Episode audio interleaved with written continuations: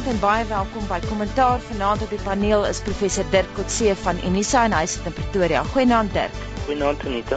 En dan praat ons uh, op Stellenbosch met professor Amanda Gous. Sy is ook 'n politieke wetenskaplike by die Universiteit van Stellenbosch. Goeienaand Amanda en welkom. Goeienaand Anita. En dan gesels ons met Mandy Resou en sy werk by City Press as politieke verslaggewer. Mandy, ons het 'n bietjie gekookus oor die stories van die week. Daar's een wat uitstaan. Anita ja, die um, groot storie van die week is definitief gister se hofuitspraak oor die e-tolpaaie in Gauteng en waar die hof basies vir die regering gesê het om die implementering daarvan onmiddellik stop te sit. Verdere stories wat hierdie week opslag gemaak het, um, Julius Malema is finaal uit die ANC geskop. Ons kyk na Vryheidsdagvieringe. Daar um, was ook 'n situasie in Nederland waar Nederland basies in duie gestort het weens die ekonomiese krisis. Charles Taylor is van DSV skuldig bevind in 'n hof in Den Haag aandag aan um, oorlogmisdade en dan vir mense soos ek wat in die gedrukte media werk, het die persvryheidkommissie hierdie week sy aanbevelings gemaak vir hoe die pers moet verander dat daar beter toesig is oor oor die oor die pers en spesifiek die gedrukte media en hulle het sekere voorstelle gemaak wat baie bespreek sal word in die volgende paar weke. Kom ons begin by die groot storie van die week, die etol en die feit dat regter Bill Prinsloo dit gestop het. Interessant Amanda, voor ons op die lig gegaan het, het jy gesê dit is tog 'n besprekingspunt in die Kaap ook al raak dit nou Gautengers. Ja, ek dink uh, daar was altyd sprake dat dit uitgebrei kan word na die ander provinsies. Maar ek dink wat vir mense interessant is hier is die kwessie van burgerlike verset. Wat die gewone mense basies weggekry het deur hande te vat en te sê ons is nie tevrede met hierdie stelsel nie, ons wil nie dit moet geïmplementeer word nie. So die burgerlike samelewing organisasies, die verbond uh, tussen groepe wat eenvoudig na die hof gegaan het en gesê daar moet 'n interdik wees teen die die implementering. Hierdie is ek dink 'n verskynsel wat ons meer en meer gaan sien omdat mense voel die regering is nie verantwoordbaar nie en en hulle konsulteer nie die burgers nie. En dis veral die middelklas, want ek dink die middelklas word so gedruk op die oomblik in terme van belasting, in terme van heffings en allerlei goed wat dit baie moeilik maak vir die middelklas om om werklik finansiëel gesond te wees in hulle eie persoonlike finansies. En mense het genoeg gehad daarvan. Ek meen ons moet die vraag vra, waarvoor gaan die belasting wat mense betaal as hulle gaan petrol ingooi? Waarvoor gaan daai heffings? Die argument was altyd die heffings gaan om paaie op te gradeer en so aan.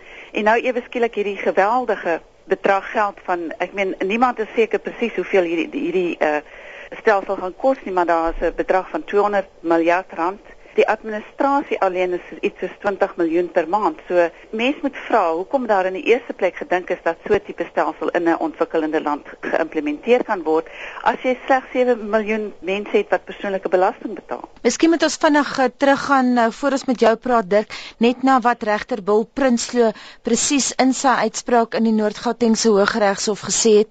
Hy het onder meer gesê dat ehm um, daar is nie genoeg gekonsulteer nie en daar was nie genoeg alternatiewe alternatiewe vir Jan publiek nie en dit is tog waar. Ja, nee, ek dink dit is dis duidelik nou uit hierdie verwikkelinge wat plaasvind is dat die regering net een opsie gehad het en dit is die deur die tolstelsel te gebruik. Daar was nie 'n plan B gewees as hierdie tipe van situasie byvoorbeeld sou ontwikkel nie. Ons weet nou dat in die in die begrotingsrede het die minister van finansies 5 miljard rand nou gegee basies of geskenk aan 'n sekere sin aan Sanral om hierdie hulle uh, lenings te kan betaal, maar ek dink dit skep nou 'n uiters groot finansiële krisis binne die regering en die openbare besteding oor hoe in die tussentyd hierdie kostes wat besig is om te eskaleer, hoe dit gehanteer uh, gaan word. Dit is nou die derde geval waar daar op 'n groot skaal prysstygings plaasgevind het. Eerstens was dit Eskom geweest wat nou oor 'n 3 jaar periode eintlik uitermate prysstygings aangekondig het. Tweedens was Aksa vir die lughawens en ek dink dit mense begin nou te rigting van wat het gebeur rondom die tyd van die Wêreldbeker. Wie byvoorbeeld is verantwoordelik vir al daardie ander infrastrukturele ontwikkelings wat plaasgevind het, soos die stadions, wie betaal dit? En dan vorentoe ook nou met die aankondigings van uh, president Zuma in, in die staatsrede nou is al hierdie nuwe infrastrukturele ontwikkelings, wie gaan uiteindelik dit betaal? Mens dink byvoorbeeld aan die nuwe kragsentrale soos Medupi. Beteken dit dat hierdie tipe van benadering wat nou gevolg is in die toekoms ook gevolg gaan word en dat dit uiteindelik die verbruikers of die publiek is wat dit direk moet betaal, nie via byvoorbeeld die die belastings wat ons betaal nie. So Boonbehalwe natuurlik nou die politieke implikasies, die feit dat verskillende groeperings soos Kusatu en die DA en burgerlike gemeenskapsorganisasies almal vir die eerste keer soos uh, Amanda gesê het, werklik op 'n groot skaal hande gevat het. So ek dink vir die regering in die algemeen is dit 'n groot krisis. Dit gaan nie net oor die e-tolstelsel nie, maar ook hulle benadering in terme van besluitneming sowel as hoe finansiering van groot projekte, regeringsprojekte in die toekoms moet plaasvind sonder dat dit in hierdie selfde moeras gaan eindig waar dit op die oomblik is. Ook baie belangrik Mandy om te sê soos wat Beeld Donderdag voorspel het dat hierdie saak nog maande lank kan sloer. Die feit dat daar 'n hersiening moet wees kan beteken dat indien die etolstelsel ooit ingestel word, ons dit eers volgende jaar kan sien, beslis nie die jaar nie. Ja, ek dink dit is baie belangrik want ehm um, dit wys op die ehm um, op ons jy weet ons as gewone mense se gebruik van die instellings wat tot ons beskikking is, soos die howe ensovoorts. En ek dink dit is ehm um, dit blyk asof ons vir minstens 'n jaar ander maniere kan soek om om met hierdie situasie te beredder want ek dink jy sien wat wat mense kwaad maak hieroor nê, is jy weet die gewone goed oor mense is nie gekonsulteer nie, ons het nie geweet wat aangaan nie. Ons het jy weet ons was gefrustreerd toe ons al die ehm um, padwerke sien op die N1, jy sal dit onthou. Mm. Ehm um, en jy weet ons was soos wat gaan nie aan? En dan aan die einde daarvan het ons beter paai, ons het twee ekstra lane op die N1 wat baie help. Ek seker, maar ons het nie besef ons moet self hiervoor betaal nie. En ons het gedink dat die regering is van so 'n aard dat ons kan um, op hom staat maak om dienste aan ons te lewer en aan jy weet mense ons is die middelklas nou en dan mense wat jy weet arm is en, en minder toegang het tot seker goed, maar dis duidelik nie die geval nie. En dan kyk 'n mens na goed soos um, onlangse syfers wat uitgekom het dat 30 miljard rand aan korrupsie verloor is die afgelope paar jaar. En dan dink jy, maar 30 miljard rand kon die rekening betaal het van hierdie tolpaaie. Mm. En ek dink dat ehm um, mense besef dan weet jy, miskien is hierdie regering se toerekeningsvatbaarheid nie wat ons wil hê dit moet wees nie. En nou is dit nie vir politieke redes nie, dis vir ekonomiese redes. Want jy weet ons almal sukkel deesdae want weens ekonomiese krisis kry jy groot verhogings nie ensovoorts, ehm um, kospryse gaan op ensovoorts. En nou kom so iets en jy weet dit vat aan ons waar die meeste saak maak, ons besteedbare inkomste. En ek dink dit is hoekom ons so sterk voel hieroor. Ook interessant, ek wil by jou bly Mandy, dat Amanda verwys het na die feit dis die eerste keer dat Suid-Afrikaners hande gevat het. Sy het nou verwys na Kusatu en die DA tot so 'n mate dat Helen Zille gesê het, "Ag, waar wie wil jy nie maar net 'n DA lid word nie." Maar Blyden Simande het gesê hy wil 'n ondersoek hê wat geloods moet word na wie baat uit die paie opgraderingsprojek en uh, hy het nie name genoem nie, maar blykbaar verwys na Paul Mashatile, die voormalige uh, LER vir vervoer in Gauteng en uh, Ignatius Jacobs en natuurlik Shalowa. Mailing Guardian het 'n lekker storie daaroor gedra Vrydag. Mm. Jy sien die, die ding is uh, dit is wel bekend dat mense soos uh, Mos Mashishi, Bulelani Nguka, mm. um, Paul Mastile ensovoorts betrokke was by hierdie by hierdie besluite en en ook geld gemaak het daaruit. Maar ek dink dit is bietjie um politiek spelery van van Zamandi se kant af. Jy weet, um ons kan basies na elke groot tender in Suid-Afrika gaan en vra wie trek hier voordeel uit en dan gaan jy 'n paar politici daar kry. En dit is goed om dit te doen want ek dink soos ek sê, dis belangrik om om om die regering en ons leiers verantwoordbaar te hou. Maar jy sien met Nzimande spesifiek, die SAKP, dink gou hieroor. Hoe kan die SAKP die privatisering van paaie ondersteun? Dit maak ons aan die sin nie. Mm. So die die met Nzimande is dit politieke ry hier. Jy weet hy weet mense soos Paul Mashatile wat natuurlik baie naby is aan mense soos Tokyo Segwale ensovoorts is 'n bedreiging vir sy eie politieke ambisies.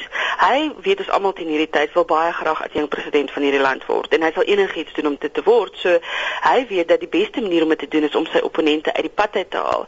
So nou basies sê hy kyk kom ons um, ondersoek vir sê maar Paul Mashatile ensovoorts en dis 'n goeie ding om te doen, maar ons weet dat so ondersoek gaan baie lank neem en so aan en dan gaan daar wolk oor Paul hang totdat jy weet totdat Mangaung basies gebeur. Mm. So ek dink nie dit is so ehm um, so onskuldig soos wat bly dit uitmaak om te wees nie en ek dink in elk geval as hy so direk teen gaan teen wat ek dink die waardes van 'n kommunistiese party behoort te wees wat is om dinge te sosialiseer, te nasionaliseer eerder as te privatiseer, dan moet ons maar wat hy sê met 'n knippie sout vat. Mm. Net nog 'n vinnige ding, die ANC het ook nou gesê dat Kusatu het uit die projek gebaat deur sy beleggingsarm. Dis nou mm. Kopano Kematla mm. wat blykbaar aandele in Rabex besit. Rabex het 'n 800 miljoen rand se tender ontvang uh, om die R21 te opgradeer. So daar's maar baie politiek ook hier rondom. Moet ons dit alles sien binne die konteks van Mangaung?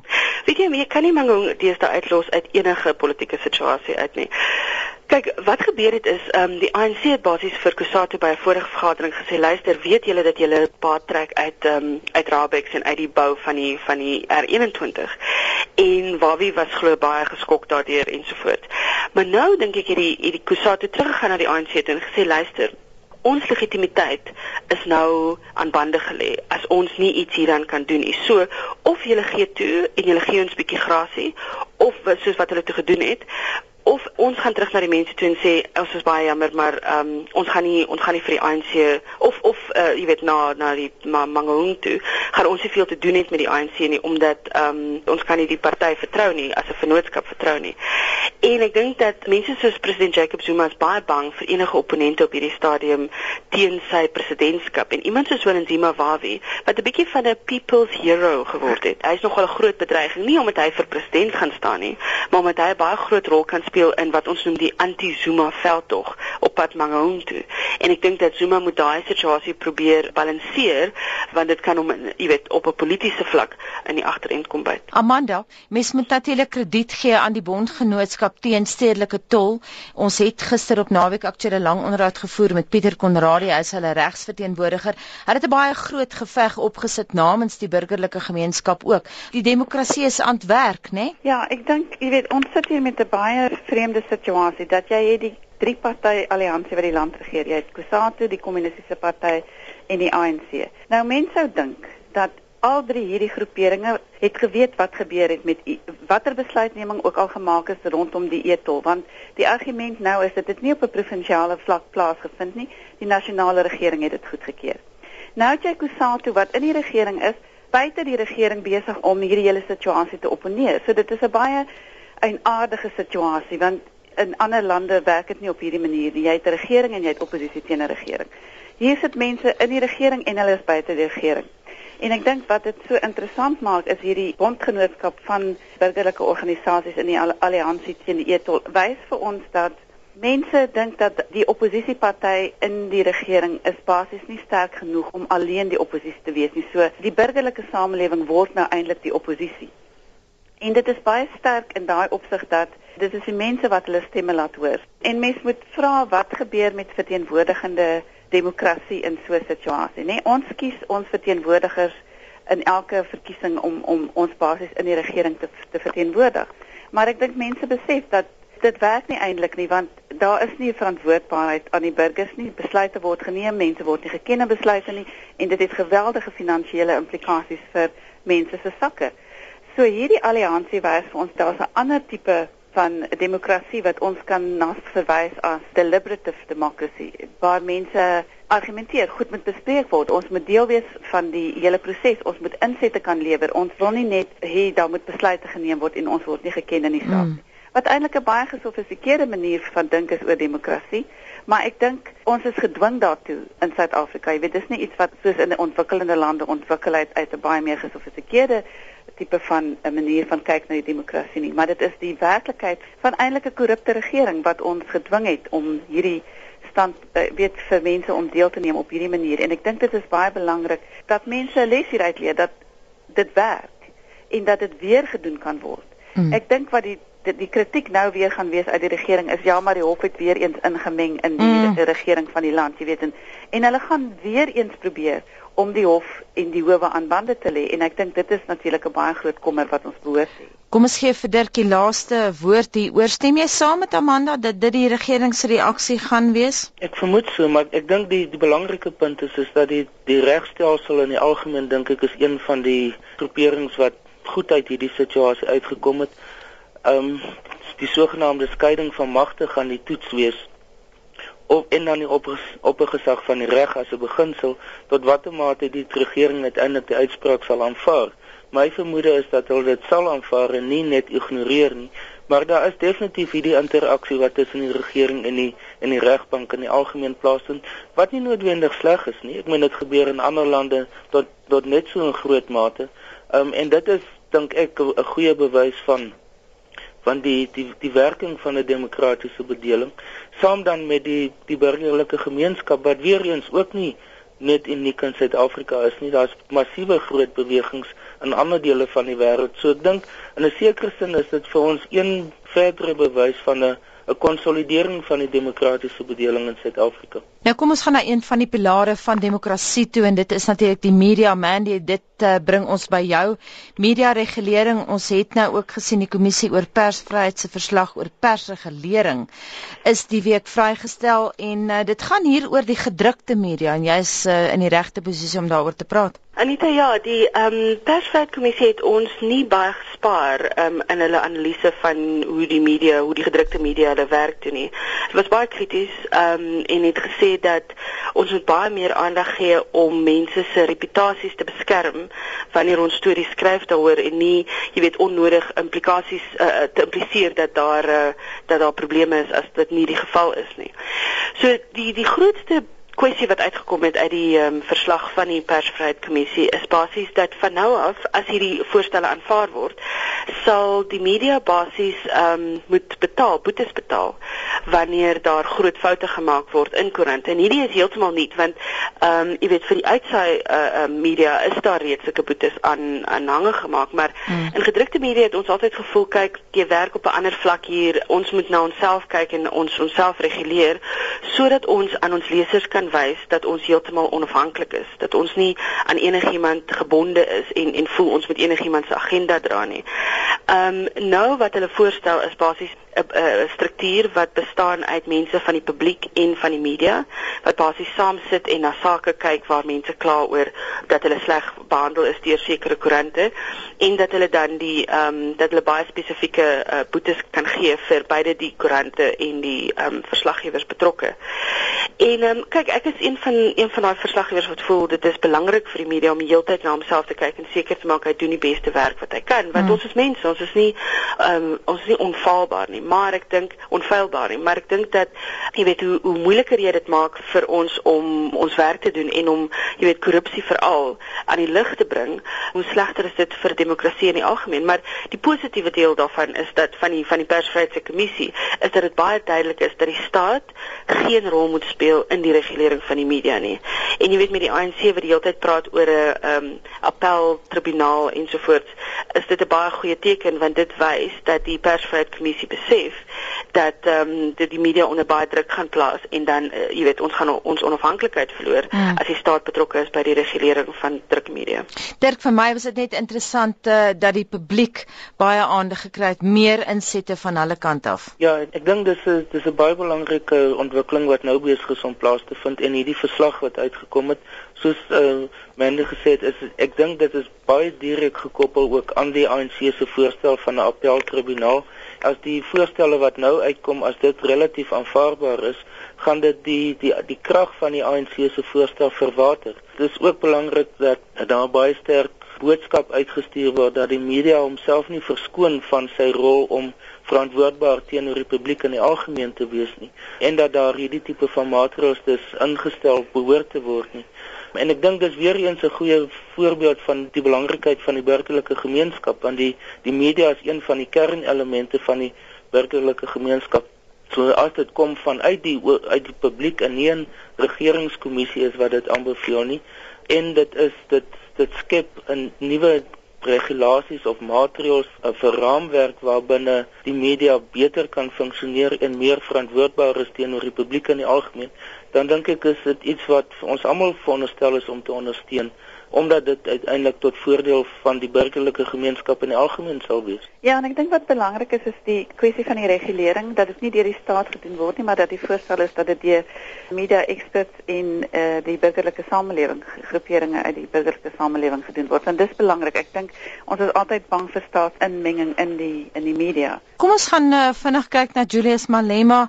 Die nasionale appelkomitee het nou sy skorsing uit die regerende party bekragtig. Dirk, ek wil vinnig na jou toe en dan na Mandy toe. Interessant, Mary Williams het 'n stuk in die Star geskryf hierdie week waar hulle vir professor Susan Boysen aanhaal by Witwatersrand Universiteit en sy het gesê, jy weet, dit is nie noodwendig sodat dit die einde van sy politieke loopbaan kan wees nie, want sy mag sal altyd mag gekoppel wees aan 'n faksie binne die ANC en dit hang maar net af wie in die regerende wie op daardie stadium regeer dink tegnies gesproke is dit korrek, maar ek dink in terme van politieke dinamika is dit waarskynlik nie wat gaan gebeur nie. Ek wat ons gesien het is dat sodra 'n persoon sy posisie of haar posisie as as leiersfiguur binne die ANC verloor of byvoorbeeld soos in die geval van Tony Ngene uiteindelik gefonnis is en vir tyd lank in tronk was, kan hulle terugkom, maar is nooit weer op dieselfde vlak as hulle van tevore was nie. En ek ek dink wat mense moet aanvaar is is dat sodra Julius Malema uit die jeugliga is, dit beteken as hy ouer is 35 is, wat nie so ver van nou af is nie. Mm. Dan gaan sy primêre magsbasis ook verdwyn. En wat dan beteken dat hy in die moederliggaam sy werklike ondersteuning moet kry. In die tussentyd het daar al plaasvervangers vir hom ontwikkel as leiers van die jeugliga.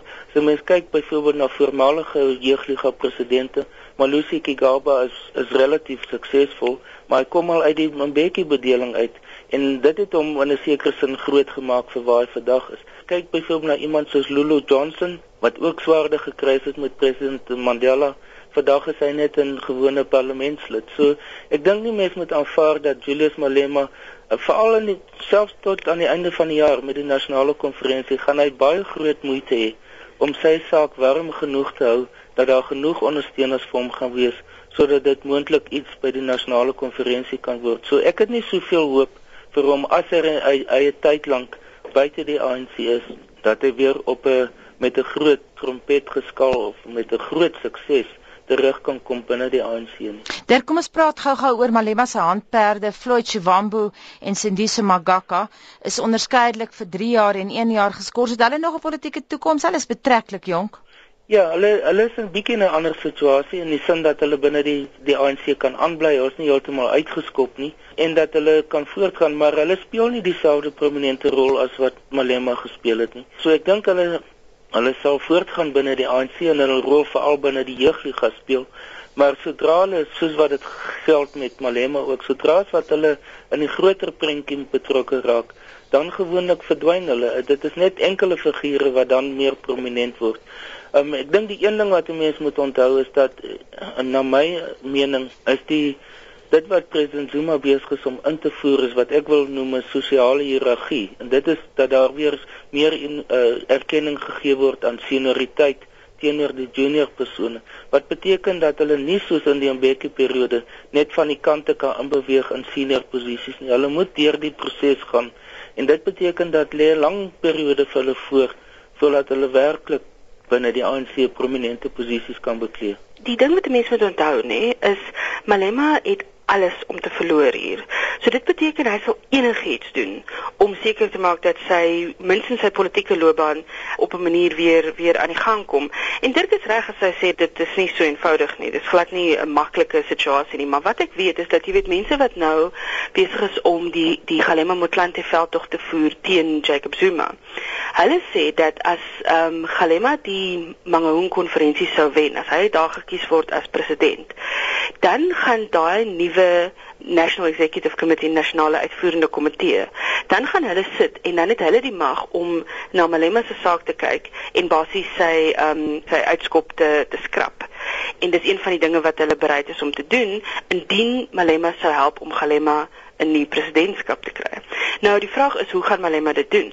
Hy uh, weet hy kan nie op ANC platforms praat ensovoorts nie, maar hy kan strategiese rol speel om seker te maak dat sekere mense by sekere plekke is, sekere takke van die ANC, sekere vergaderings ensovoorts en dat hulle die regte boodskappe oordra. En ek dink dat hy omdat hy buite die ANC is en dis nie aan die ANC reëls gebonde is nie, kan hy nou veldtogte voer soveel as wat hy wil, want jy weet mos die ANC het gesê ons mag hier oor praat voor Oktober nie dink ek.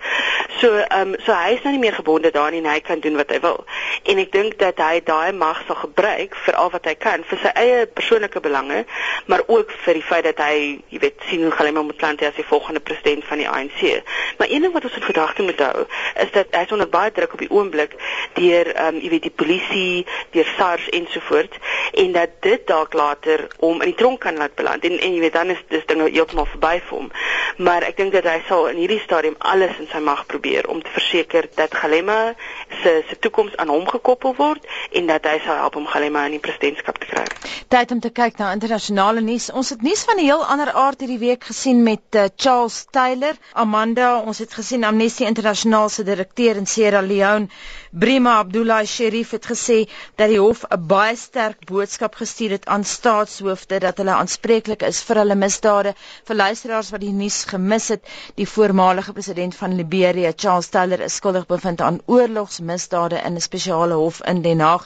'n Geskiedkundige uitspraak, Amanda. Ja, ehm um, geskiedkundig in die sin dat ek dink dat diktators en warlords soos Taylor die hele tyd gesê het en ook die Afrika Unie wat gesê het wel, jy weet, hy hoef nie deur hierdie dat hierdie howe basies nie 'n jurisdiksie het oor wat gebeur in in ander lande nie. Wat duidelik nou bewys is dit het die jurisdiksie dit het hom skuldig bevind en dat jy weet mense sal moet versigtig wees in die toekoms want dit is wel moontlik dat hulle voor hierdie hof gedaag kan word. Maar hy is nie die eerste en ek meen daar was ander in die verlede ook wat voor hierdie hof gedaag is en wat skuldig bevind is. Nou iemand het die in die oor die naweek in die koerante die vergelyking met uh, die belang daarvan met die Nuremberg verhore vergelyk en ek dink dit is 'n dit is nie 'n baie goeie vergelyking nie want Nuremberg was basies om nasies te verhoor. Dit het gegaan oor 'n hele groep mense, 'n hele regime en Hitler self was nie daar nie, hy was reeds dood op daardie stadium. Maar dit het die vorm van 'n mense dit 'n witch hunt genoem, um, hmm. jy weet die soeke na nasies en om om hulle te verhoor. Hierdie eh, dink ek is 'n is 'n hele ander tipe stelsel wat belangrik is. Dit is nie net 'n een eenmalige gebeure nie. Hierdie hoof het 'n jurisdiksie om die tipe van oortredings wat basies oortredings teen die mensdom is te verhoor.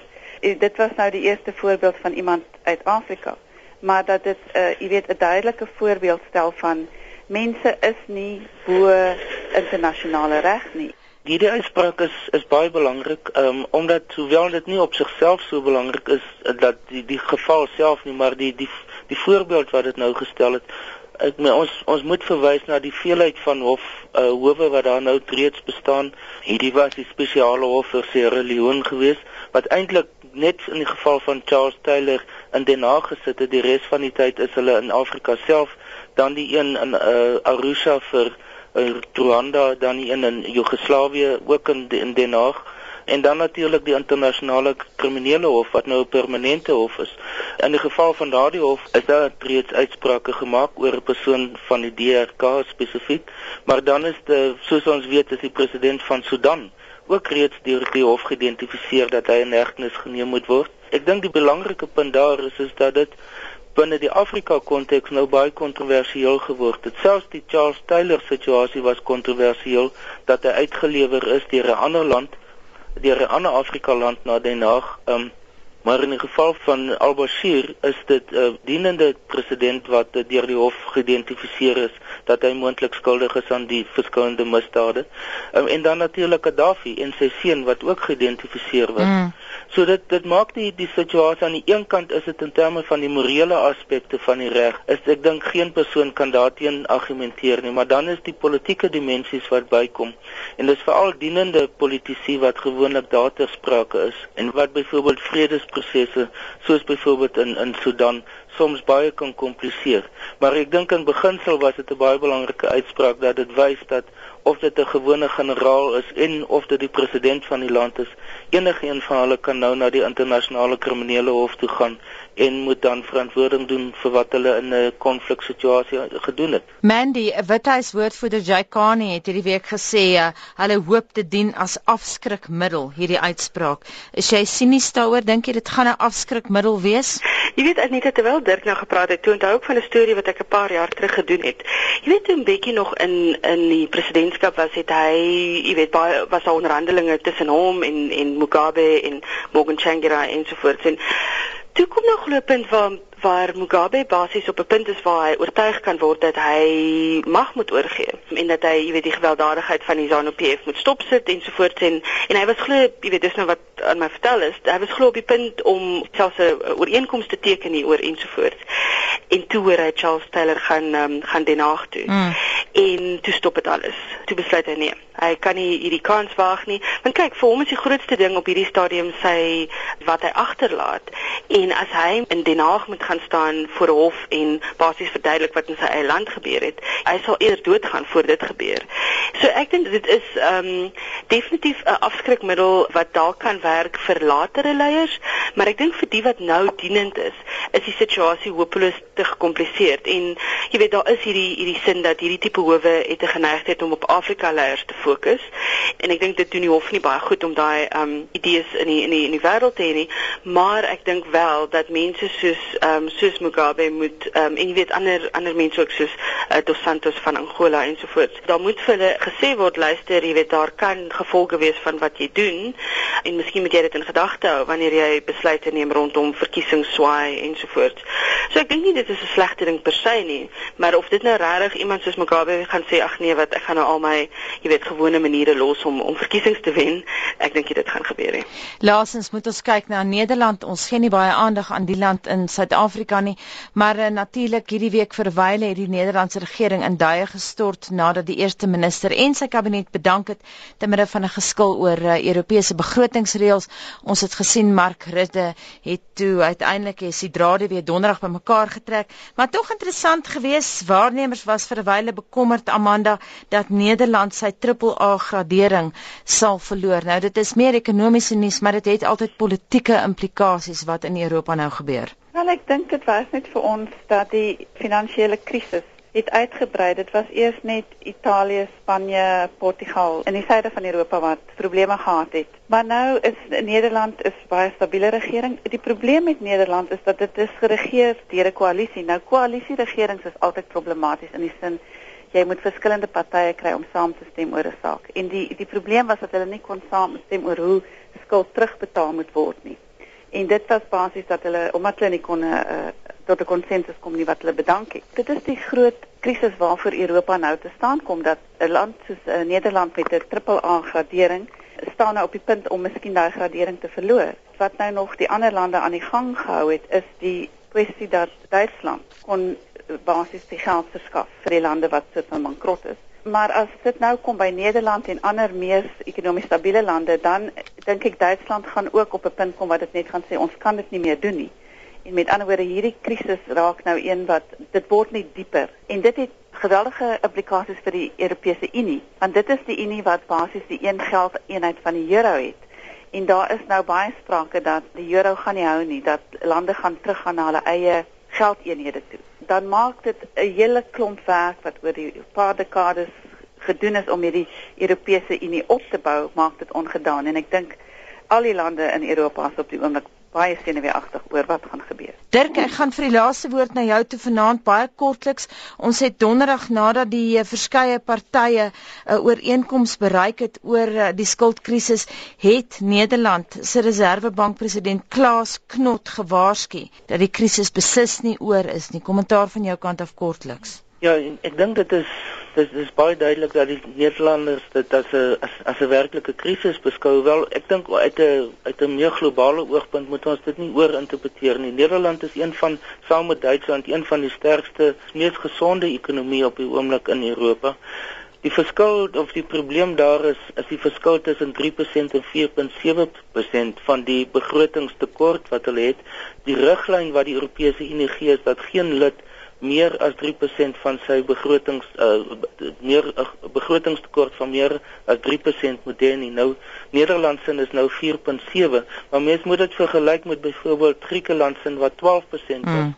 Suid-Afrika se is rondom 6% op die oomblik.